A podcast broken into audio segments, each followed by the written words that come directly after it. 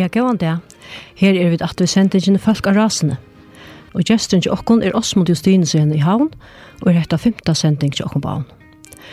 Osmond er, som vi har sagt før, føtter oppvaksende Lorvøk, som unger for alle skips, og søttene for han at arbeid av fiskeransaknarstående, og ved togene kjøpte hans skip, og hever vi røyere av utvidtret ved fiskeskipen. Saman vi synes og innom før han i fjør omtrar røyna nødja løyer, tar tar kjøpte gistikar i Hafni og i havn. Men Osmund har tøyre òsne eia for mentan, og tøytningen av å varva ut av sindri av okkar søve. Og for nøkron år Aron Sujane lett han opp på Hatta Savn i Lorvik. Om nekar ikke at okna seg hisa sendingar, så ber til rinja til rast 2 av 4. 95 95. Og i utvarstående i dag Jonas Iversen, tekniker Ronny Petersson. Gav han det Osmund, og velkommen. Ja, takk for det. Nå er jeg synes holdt i det å køyre. Ja. Ja. Onkel Busser er ferdig her, også han i høyre. Ja, det har de, ja. Oppstyr hentleka. Nei. Olvarslitt. Nei.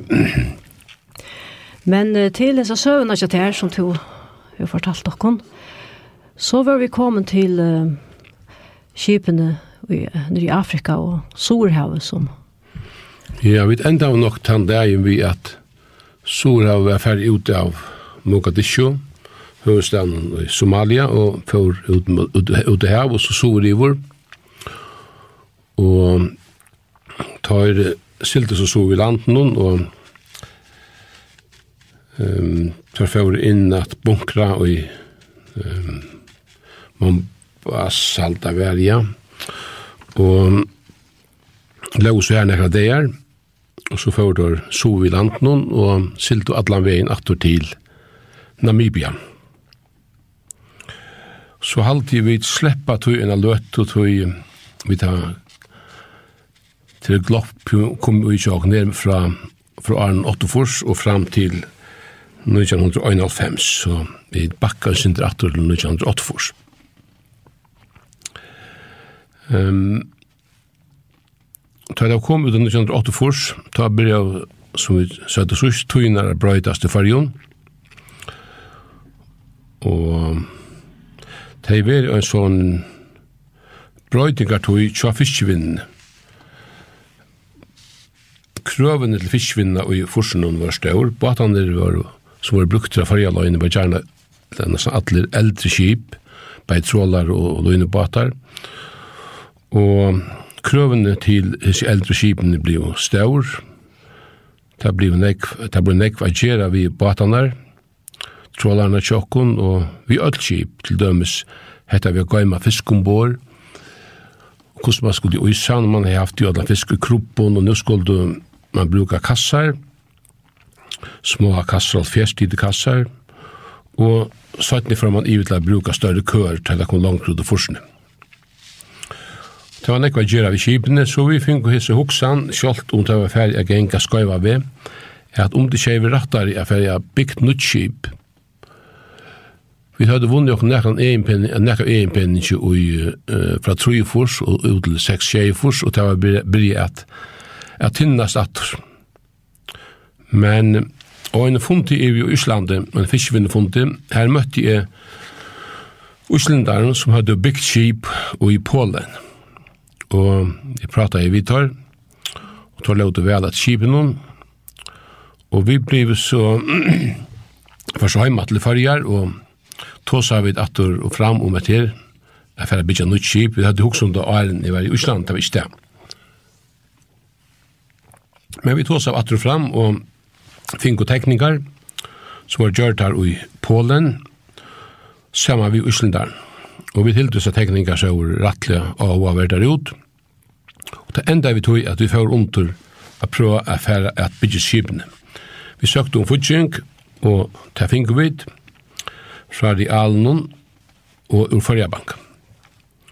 Og så var færferdelig verska Hetta var sønt i 1908 Vi var flere turer nere i Polen, og hetta var ein så løgin tog nere i Polen og etter tøymen kommunistiske landet noen, det var nok så nekker avfrior, nekker lesa var jo kom fram og ta, og det var, man mest vel til at den avfrior som var i Polen i år 8 og 9 fors minstan, og ta øyna dagen vi så då samråd oss inne vi inne i Vesten, og ta var det bygninger inn omringa av tanksun, er vi stod.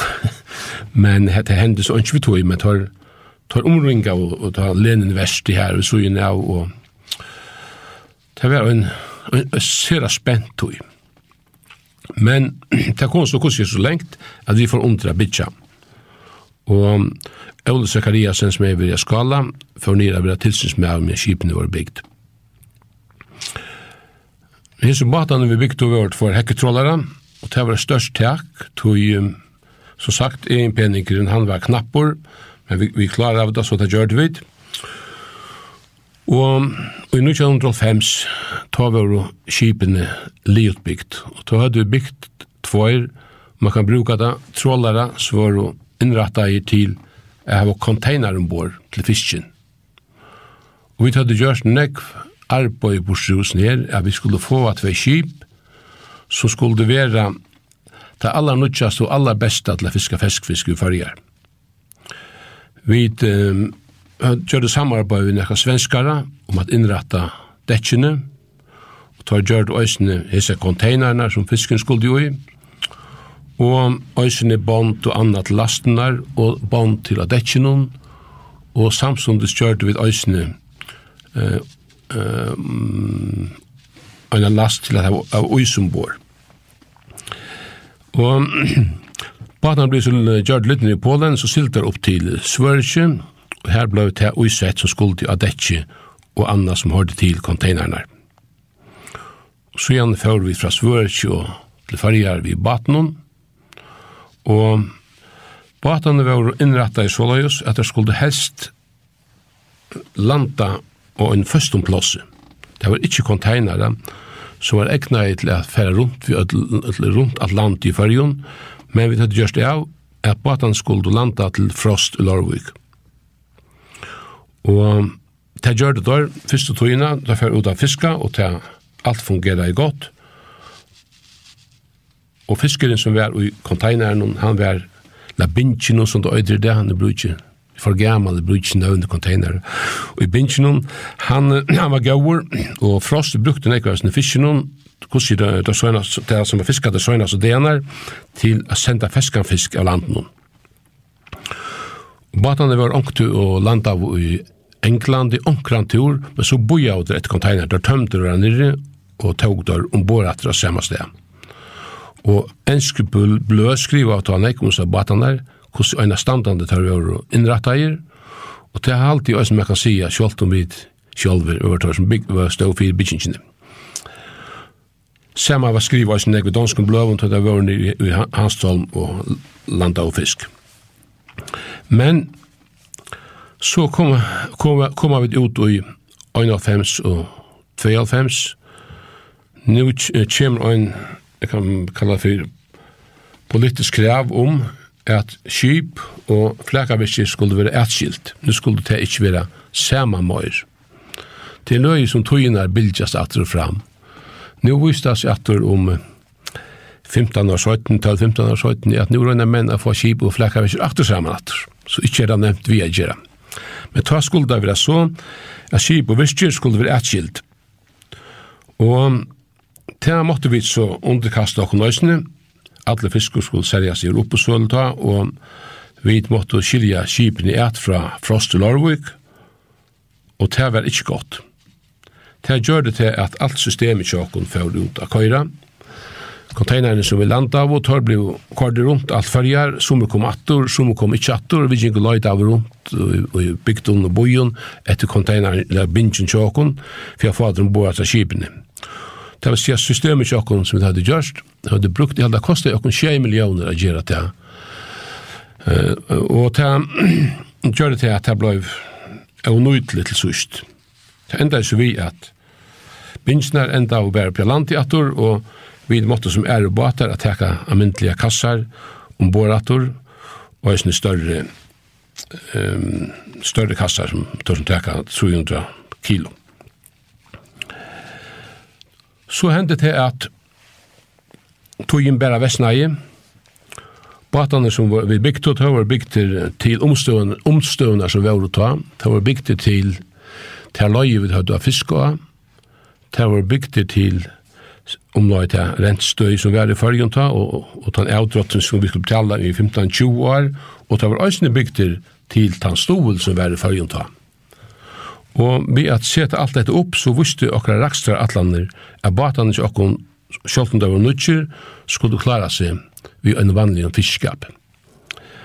Men så hendte jeg òsne til at jeg møyne til å være i 2,5 at etter øyne kvöld løkten jeg at til om at jeg skulle færa ny, skjere alvorlige nye av stodningene, og så kan man være av øyne og om under stolen, han var sjående, blir jo nekk for høvor, men eh, det som hendte ta var at det skår og ståra parst av stolen om bostor. Og ta var det at atler den førske fiskeflåten for utdatt. Alt for er litt land foten av det førske. Fiskeflåten. og ta byrja i kreppan av olvara. Um, vi tatt òsne um, ta i tvei, eller åtta år, fer lutsen fra kreppen at nu vi hadde fiska øysne godlaks med tøm vatnen, så vi øysne avrættu til eh, frost Larvik, og til eh, godlaksa ver var rettelig åhova verdur, og er fiska godlaks av nøkron tuttning og æren til, men vi eh, får undra røgn etter godlaks fra mai manna og ut etnar ut september manna, og ta etna i svel. Vi fink en av vinnu og i gongt, og medan viski kallais fyrir frost, og tann godlaksavinnan er i fotlom blåma enn i det.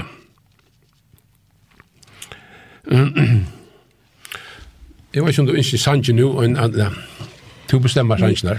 Ja, eh, det er kanskje tog jeg for å høre noen sanger. Det er yngst å høre en som øyder tja George Beverly Shee, som øyter Hevda en annen vei. Ja, ja Og saman av tøvne, han eller lea som takk min hånd god løy med tøyve. Og jeg halte han passa vel til disse tøyene som, som nu, nu kom. Nu var det kostig nei ut man hei omkrande halda hånden og ut til kommande i ærene, men så vi skulle høyre han jo.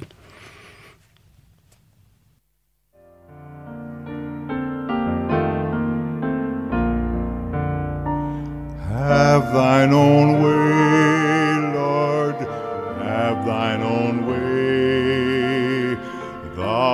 the potter, I am the clay.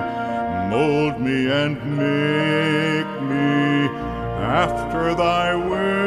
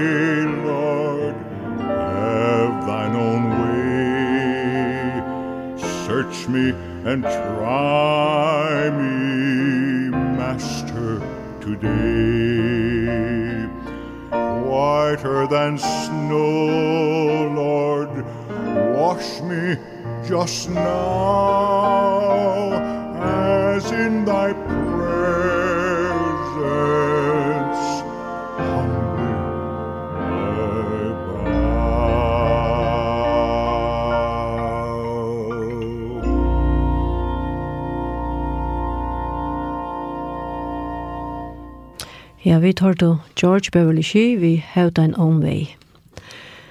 Og oss måtte tøyner, det var blivna verre, men tid djevast ikke. Ja, tøyene ble jo bare tinkre og tinkre, og ta ut det kom nekka lekt ut i år 1992, ta kom ordentlig stand og av tjåkon, og batan vi hadde, jeg hadde flyttet sindu til Namibia atur, Batan Tjokkun røynte nu atler fyra atur i Namibia. Mihavi og Sorihavi og Frina Sand og Frina Star. Og fiska og, og ferda fiska hampliga vel. Og byrja leggja sin ekbe etter a fiska um, hautasko. Vi tøyde mannador vi fölkje fra Namibia. Nekru føringar var vi, annars var så å si at manningen at det er ikke noen anna namibisk. Og det var nekk folk brak var en bat. Og vi var rettelig kommet i gang, og så gjør du, Han ble gøy turer, men knappelig så var så gæl man kan si at det så oss. Finko ståra trobløykar, vi samarbeidspartnerne er sore, vi kom inn av, at baten var kommet inn av en tur og skulle fære at steator ut av fiska, Og da visste jeg seg at samarbeidspartnerne som var lokaler fra vindtogen av Bibia, at de hadde selt kvotene. Vi hadde finnet kvoter sammen ved Tøymon, åtte der sammen ved Tøymon, og de hadde tidsi og selt kvotene til spanioler. Her stod vi, vi visste at, vi visste at de hadde ikke nekka skil på å driva skip, og de hadde kanskje vanta til at man blir ryker etter øyne dag ved å drive kjip, men det var vi ikke vane vi fra føreskar så jo. Så det hadde vi ikke også om helt at få så sjåda inntøkker til det skulle en tog til at innarbeide og køyre system inn som vi hadde gjørst.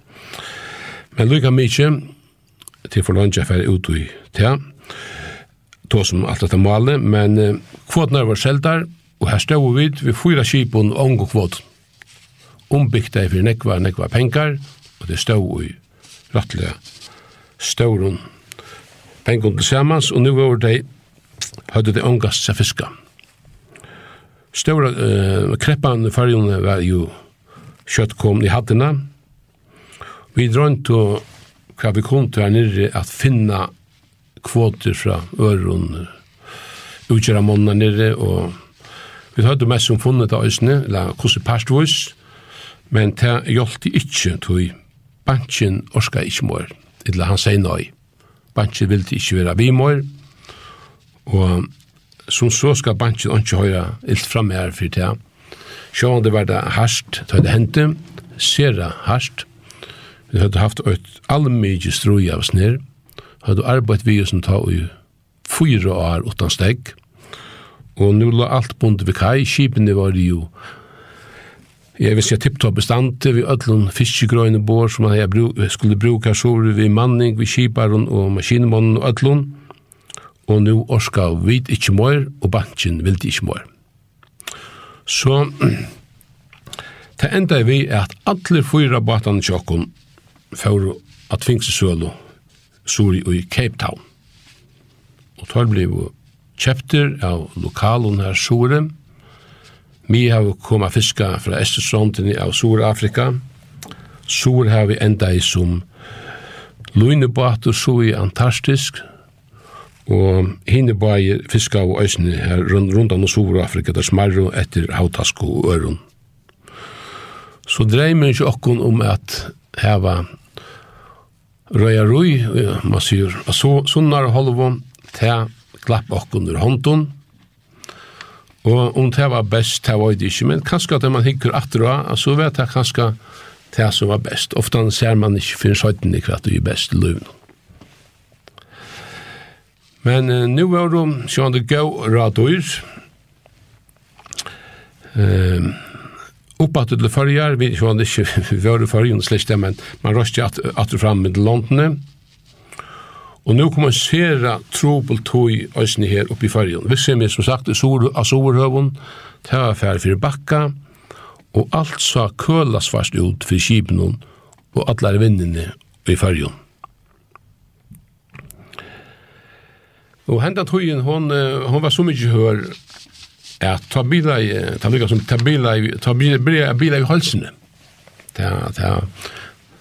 det er så hardt, og det er så nek arbeid, at jeg begynner jeg til å bila i halsen ikke mer, men jeg var ikke, fortsette bare, og til så gynns til det. Vi tar da ta seks kipa av føreska lang, langgrunnen, langgrunnen, og det er da ongan chans å klara seg at han var at stolen, at tidsen bort, og det er da hadde så å si ongeskiv som var langgrunnen. Vi tøtt åka chans, men vi røyntu alt det som vi makta av å heva det gengande, og det klara vi til 3-5-4-5, så orska vi ikkje mår. Jeg har ångte finnje skått i skekkvannar, at vi nu nämnde för svära så det är inte svära mot men jag finns skott i skägg vad ofta när det onkel vill jag sagt och synd synd synd synd så härligt att det är ofta när fallit Og det passar ikke som så. Vi har haft skip siden i halvfjers og til dagen der, og vi får øyne for litt, og da får vi altså vi ødlom. Skipene var tenkt saman, og alt som vi åtto får for litt. vi hadde avvær om dette som jeg nevnte i hennes hendelsene før 18. før, fra Vindeløsen Sujo, at dette kom ikke å genka. Politikeren rustet av ikke nøvel etter åkken, Og det hendte at alle flåten til åkken fjord. At vank, alle skibene, seks skibene som vi hadde, fjord av tvingsesølo. og ta var ikke stuttlet å standa, man sier, standa vi endan vi. Ta var ikke stuttlet å standa i anglettingen, noen ta i hette hendte. Hendan tøyen vi fyrjar, hon var holdt, hon var holdt sérstak. Hon var holdt sérstakar ring. Og jeg var ikke nekka minnest og en så torfur at hui, og så var samanspel av avlukkun i det land. Som sagt, stol anna var tidsi bostur, det var så folk av hon, men vi hadde å ser døylist, en ser døylist ringa vanaliga vevoperiod. Vi minnast stormanar fra jólestormen i Åttofors, som slatta i nekvi fargen, og hetta helt fram, hetta helt fram i 8 furs, 9 furs, 95, vi høyde ringa stormar og i 91 øysene, og en ser døylis vanalig tydelig vevor. Og om det var av tøy, det var det ikke, men vest, vesteraten var nekv, og det her visste som det blåste bare alt ut av grunn. Fiskur blei så å si åndsjen, Fiskaprøysene faller i botten, høyer oljeprøyser, rentan opp i topp, rentan som gøyde kipen la for det meste fra 12 opp til 18 prosent, og til enda vi at alle før, alle nøyne, onker var etter, men til aller fleste av feskfiskabaten i fargen måtte i vrøyne tvingsesøl. Så nå til det kom ut til 4 4 år at han også Vi var byrjar på Røya Rui, og alt som vi tøyde opparbeid tjøkkens årene, det var noe gli i okken av hånden, og vi tøyde ånds. Alt fyrir la i koma, om man kan si det sånn, Føringar tar flutja av land til noen i stålen tale. Og kvært var nu a gjerra. Skulle vi bare gjerra som ånder, vi huskje røyma av landenon, og det helt er kanskje ikke være rett, og helt er at selv om ikke ved at arbeid vidt jeg husker, jeg husker om peningalia, så men, jeg har nevnt ångt i omkron, omkron ble at jeg pleide å genga nekvaturer ut i havna del. Men Jeg har omkron gynge sånn jeg løvn som, som til Ari og i 4,5. Og det var sikkert godt for halsen at man gikk og så pressa om tøyen. Tjekk atter og fram mål og skibene lov og forskjellige stjerne, utan skjøtnan og polaria tar silde løyke inntil tvantje. Hine sæbortla når i Vestmanna, og sjåbortla og Norge har vi la omkring ærstjerne. Tar lov i Innshavnen, fengselselt. Men ahoven fyrir at gjera uiløver skip ta, var blivin sera lyd til i fargen og av gauon grunden, det som hadde sett ui, hadde strust vi kip, hadde mist alla sina penkar, og nekker hadde mist hus og heim. Fløyre av dem var rumter av landet, og fløyre var færner og reserver av ber og stress. Så det var ikke nevnt derfor at starsta nekka attor. Nei, og er vi fyrir vi er så, for vi tar en sankatræt. Jeg kunne tenkt meg å hørst i hesen føren, eller hes, i hesen tøyen som vi er nå i, hørst Olav Roval eh, Sundtjen, han den her, du hever han her. Ja, til er inntil øtnen ja, er av. Ja, inntil øtnen er av, ja. Ja,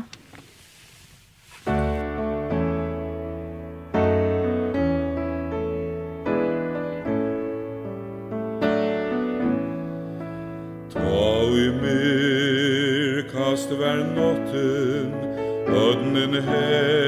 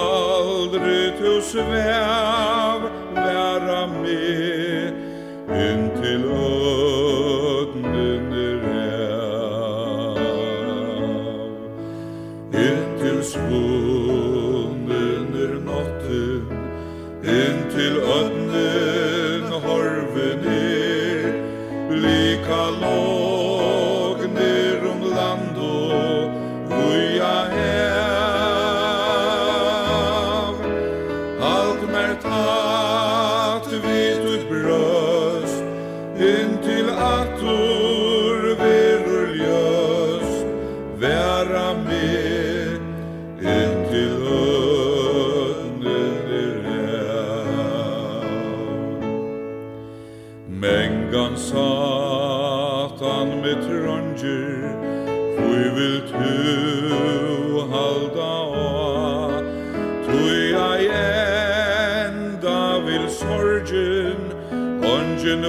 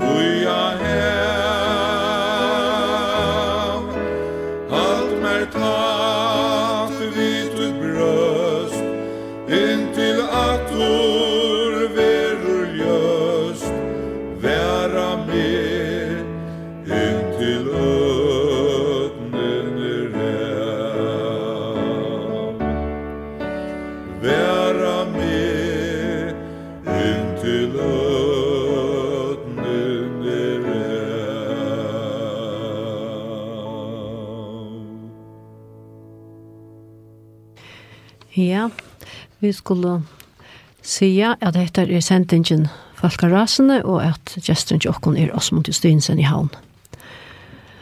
Ja, Osmund Kybene, de er for fallitt, bare de som til dette Sorhøven og de er. Men de gjør oss kjønton. Nei, han sang her at uh, være med inntil øtnen er av». Ofta han hadde vært en ødn, og til jeg ble stille, jeg har øyne vi utfyrt at man hever løyte etter en skip som ble bortstruan i øden, i Norsjøen, til Sakk. Og så ble stille, men stille var rettelig og honalit. Og det vil jeg si, men vi har funnet, mennene ble funnet etter fra til skipene i Hoksjøen. Um, stille at han og øtnene i 4.5, 3.5 og 4.5, hun var rettelig og honalig. Førjar la i Ja, førjar la nye bunte, da det kom til 4.5, I år var kommet nesten på av land noen. Tar kjent ikke førjar, og skulle, inn, skulle at seta uh, sina egn og hoksaner og, og lauer og, og gildi i fyrjun for jeg får fyrjar på faudator. Og det viste seg at det, det gikk ikke vel. Og at det så da kom vi til var at føringar skulle bruke kvotor stedet for fiske det er. Og det vi søtte vi søtte bæg vi danskare og vi føringar at det uh, bruka kvotor vi fyrjar etter bottenfisken det kom ikke at fungera. Tar tru og på det. Og jeg forteller noe som jeg har selv fortalt. Jeg vet ikke om jeg har fortalt det for morgen, for en time folk, så nå har jeg alt forrige folk det, som lurte hva sier. Nyrop var oppe i følgen, og tog alle ringas og togene, og for det tvefer. Og nå lever det som gamla mann er reip, tar jeg si etter. Um, Til øyne fyrna var jeg bjøy av vi at et en døvra saman vi nyr opp. Det var fløyre ære røysene. Og jeg minnes at jeg helt en atelo oppe i hotell Førjun. Og jeg røyndi jeg kom av sinteren av fiskevinna. Og jeg minnes at at han døvra han ta kom nyr opp til mun og sier vi med at hvis du kjemur for å bo i Danmark, så, så kom ut av Kristiansborg og Vidjamme. Og jeg takker ikke om det myrlige for innbjørnsene. og det ble så løs at jeg får kjøtt at han var av landet nå. Jeg ringte da jeg kom nyer, sier at nå var jeg i Danmark, Det var da jeg fire ringte, og nyrup bæg meg kom ut av Kristiansborg dagen etter. Tøye var avsett. Men hvordan var det ikke, at da jeg kom ut her, ta vær han ikkje sjálv var funden, han har sagt han at absolutt var funden, men det var nekka komin i middelen, jeg var ikke, man ikke var nødt til å fære han knappere nil i Brussel, og det var så akkurat. Så han, det var omøvult som å komme funden. Men eh, radiovaren John var her, det var en trutcher og tar tåsa vi med om kvotor kontra fiske det er. Og jeg minnes at jeg rønte at uh, tekna den føreska langgrunnen, og pappa Puir, han man hever nøklet av langgrunnen i høyde noen, hvordan han likkur, og Faria Bank, og alle disse forskjellige bankene, den Faria Billy Bailey og anna, og jeg minnes jeg tekna i døymon føreska langgrunnen oppa papur, og forklarar dem om hvordan hver den føreske fisken er ferreist, og hvordan han ferreist saman den føreske fisken, tosker, hysa, opse, kalve og alle som vanlige bottenfisken ferreist og øynostea. Etla samla, så det var omøyelt å bruka kvoter. Og tar skriva av nek nyhjort her minnes og om hette vi avskan til det, det var jo ikke, det er kanskje man ser som er fra Løyte, danske kjølen. Men um, det jo kanskje gjort til, det var ikke lengt at han åt det. Da hadde føringene, um, det føringene løkten ikke, vi tog at gikk i det her, så vi tog pressene gå fra vinnene, vi sa at kvota var vannlest, og jeg tror ikke jeg var snakk om det var det enn kvota var, det var helt ut av køyre. Toskur kallast for Upsi, og Upsi kallast for Huisa kallast for Toskur, det var altså ikke tølene som er fra tøymen og æren kan ikke bruka til nek. Så det var det bare, hvis, annars kunne føringa ikke fiske langt rundt og reaner, tog kvota rikker ikke. Og ta uh, løgningen samtidig så er ferdig i til fiske der, og danska stjøtnen hon sier ja til er ferdig under fiske der og følger. Og Tav Bjarkai fyrjun, tog hava vi det som tava det der hvis vi ikke finner brøtt til, skulle fiske av kvoten der som danskene sette av i 93, så hadde det ikke bo for den der. Så sette jo null tosk fram fløyre og Arnasan, og, og det, var, det var jo det var ikke nøgt som kunne fiskast. Men vi finner brøtt til fiske der, og det bjørg, bjerga i førsk tjøvene. Og tog heva vi det så fratt som vi heva det i det nu fører borsi fra okkar rui. Vi sjåd det at, som, som nevnte vi ongo kipon, og kipen lau i imenskan havn under fyrjun, og jeg fyrir røyna at arbeid punkter a få kjept og kipater. Hødde onga pengar. I langt i sintur, tøym ikke snak, snakk om tølen, det var så små. Jeg fikk fæter i Sæborg, som la av Vestmannabunden, Fink gjort en stand, maskina var ikke, maskina var ui, Ola fink gjort maskinestand, Og sujan fink vi fætur i Sjøborg, og skjøttene og polara fyrir i Tvingselsølen, og ta var det så at det var New Zealand der var kommet til färger, og at la kjeipa fløya den fyrir skipen, og her var, jeg vil si, Atle Dam og Knasse. Han stola i alt det som han orska i, vi er skip ikkje skulle fære av landen, og han hjelpte jo okkur til som han kom til innanfor rammen av kjerialen, at kjeipa skjøttene og polare av attor, og det gjør det vi ånne kjibøysene. Så det enda er vi at vi høtto, vi luttlån ein penninje, sjåborg, sjåborg, skjøttene og polare av attor. Og vi byrja av at man sier, a køyra av attor, Og så mot høy høyde vi finnes fætter i et viskje som kalles, vi kallar for klinkan. Og et viskje som vi høyde, så stod i Høsvøk, Og vi får under at byrja at arbeida fisk i Høsvik, finke huset fyrir luiti og lagt, det stod, stod bare her, ungen brukte det, det er fyrir tvang òsne, og vi finke det fyrir luti og lagt, og vi får under at arbeida fisk her. Vi høyde unga kreditter å arbeida vi, finke uh, hjelp ur Fossbankan ta, til å kjeipa nekka fiske, og jeg minnes at åren vi rattlega kom i gong til så hadde vi kjept nekrar laster av svarskalva som vi arbeid og ymsa stedene rundt i fargen. Um,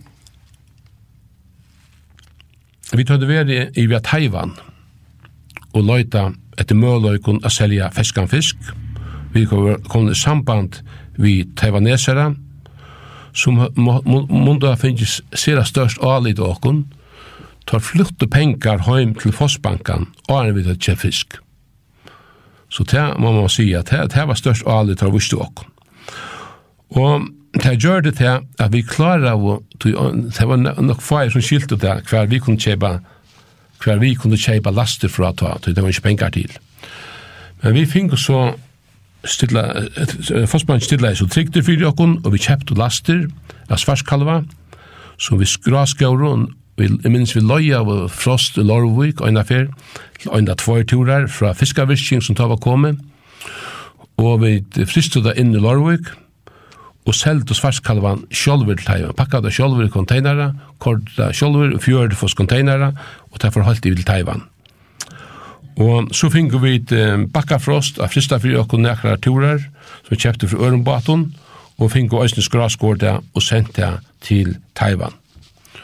Og av tøym og konteineren opparbeid vi okna sinter av, av peningen til at byrja at kjepa fisk. Hvor gjør vi, og vi får så at byrja at skjera fisk vi hånd og i klinken i Høsvøk. Tan tøyen i Høsvøk var en sera spennande tøy. Alle var lykka positiv, Det var, det var, det var nesten ikke arbeid nekka sen. De høstfiskingar var sera positiver, Folket som arbeidde her var sera positivt, og vi for undra skjera nekka av feskum flætje, som vi sendte til Tyskland og Æresleane. Og til enda er vi at vi gjør det sjolver av sølekantor nye Kjeppmannhavn. Vi fører forbi fiskasølene som vi har tog i fargen, og vi gjør det sølekantor sjolver, hver og Gunnar Sonemoen og Marni og en sonor siste jævron, og Vi har sett henne i Kjøpmannahavn, og tar prata køyra ned til Tyskland, Frankrike og Holland, og seldu fisken ut til småhandlar. Og ta øyne tøyina seldu vi til middelen 20 og 30 småhandlar i Tyskland, og vi finko rattelig gavan prus for ta vørna. Så klinkan arbeidde på handamaten, øyne tøy, og Så gjerne får vi under at arbeida nekka saltfisk når i klinkene, og øyne tog arbeid vi teg omtala og ilkjern. det er for hvert øyne under. For under arbeid ilkjern, og det arbeid ilkjern øyne tog, det var uslendere som var kommet til farger, det var en av største funter som var midt i kreppen, det var ilkjern av funderen, og i Norrlandhusen, ja, det var omgang sin egen menn samla i øyneste alltid som var ielkjer av funden noen, så fikk man av fela i hei kipa fyri og i Norrlandhusen, her var fullt hus. Men lykka mykje, vi fyrir rundt i ielkjerne, og vi fink øysene selv hei, eller sendt deg til Taiwan og til Japan, men det var trobult, det var sera trobult, det skulle handfæras rett, vi måtte omlasta det, i Luxemburg og, og Erastene, og det var nok så ringt å få det til tøyene nye til Japan, men vi arbeidde så visen øyne tøy. Ja, og vi skulle arve for vi er i høyre en sangatratt. Ja, nu kanskje snakk for deg. Vi prøver en vei, vi my, my, my, my Lord. Ja. Why My Lord av. George Jones. Skal vi høre nå? Why Me Lord? What have I ever done To deserve even one Of the pleasure I've known?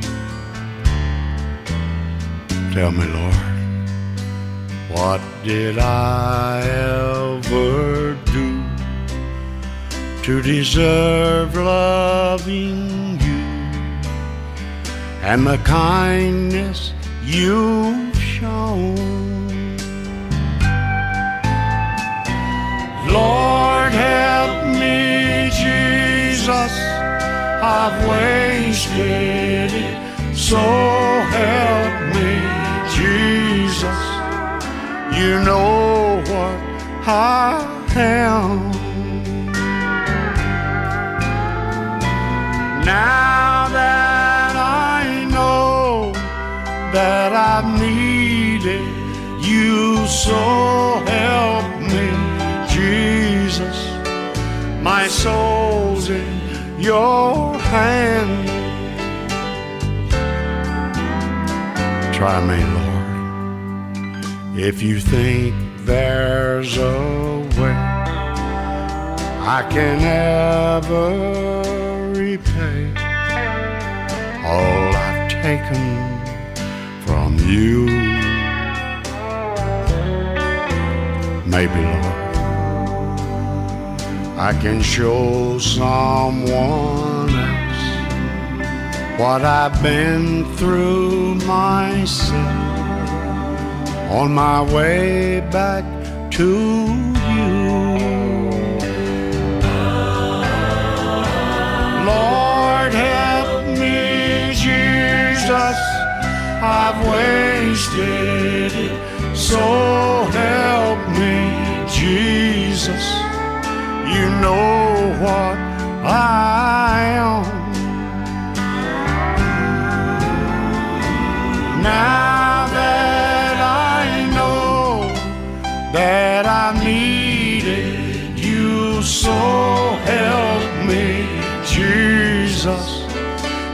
souls in your hand Jesus my soul's in your hand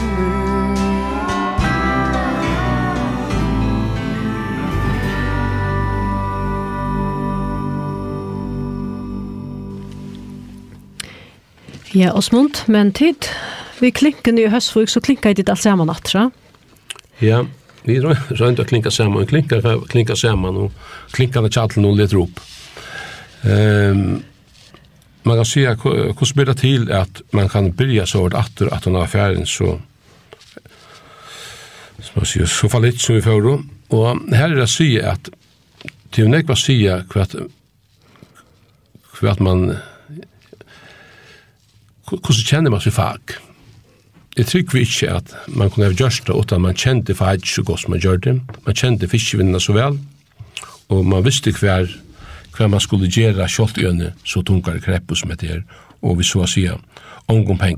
Men lett dere for, bare for, for å få bo det. Um, jeg var også vi sammen med Øron, vi var fyra som kjøpte en frost i Larvegator, og til jeg fikk navnet Tavan, og Tavan hever siden ta arbeid Godlaks, nekka øren fiske, men mest til det er godlaksor, og til det er rettelig av og verst. Lykka til deg inn i det, godlaksen er framløyter her i Lorvig til fars, og nu er arbeid vi at fra langkor, der vi gjør pilser og anna, det er for høyrast om vi kommer døven. Og så brøydes tøyen, Skifter og haven noen stormer og stille, lokken og en løt og ta nast og en ødn. Nå er ødn for boi, og nå er nå for nu, genga vi. Nu koma vi ut i 55. Tå er yngre krefter kommer opp i Røya Røye. Thomas som hei veri av Tjaven, nei, ikke klinkene, des eh, 17 og 2 årene. Han kom nu og ble stjøvrig i Røya Røynen, og jeg var sammen med henne, og jeg vet at jeg er sammen med henne enn i det. Og det var vi fotlare fer, som en unge maver, og det får, det får alt å reka vi. Det er utrolig at jeg, hvordan løyve kan forma seg til at det reker vi og til at det reker mot. Alt ble hemskift i fargen. Um, jeg skal nevne noen ting som hendte fra 55 udet. Det er at det ble råk fiskskaper, Det ble gode pruser av fiske. Det ble sera godt vevor. Det ble lager oljepruser. Det ble låar rentor. Og skipene som man heier til å fiske vi var sanera nere i Luit og Lagt. Så åren i 1845 var det ring åren 4 fors, 8 fors til 4 fors, så var det test og ikke minne bedre til det kom til åren i 18 fra 45 udet. Hetta var nokkur helt sjálfsum var.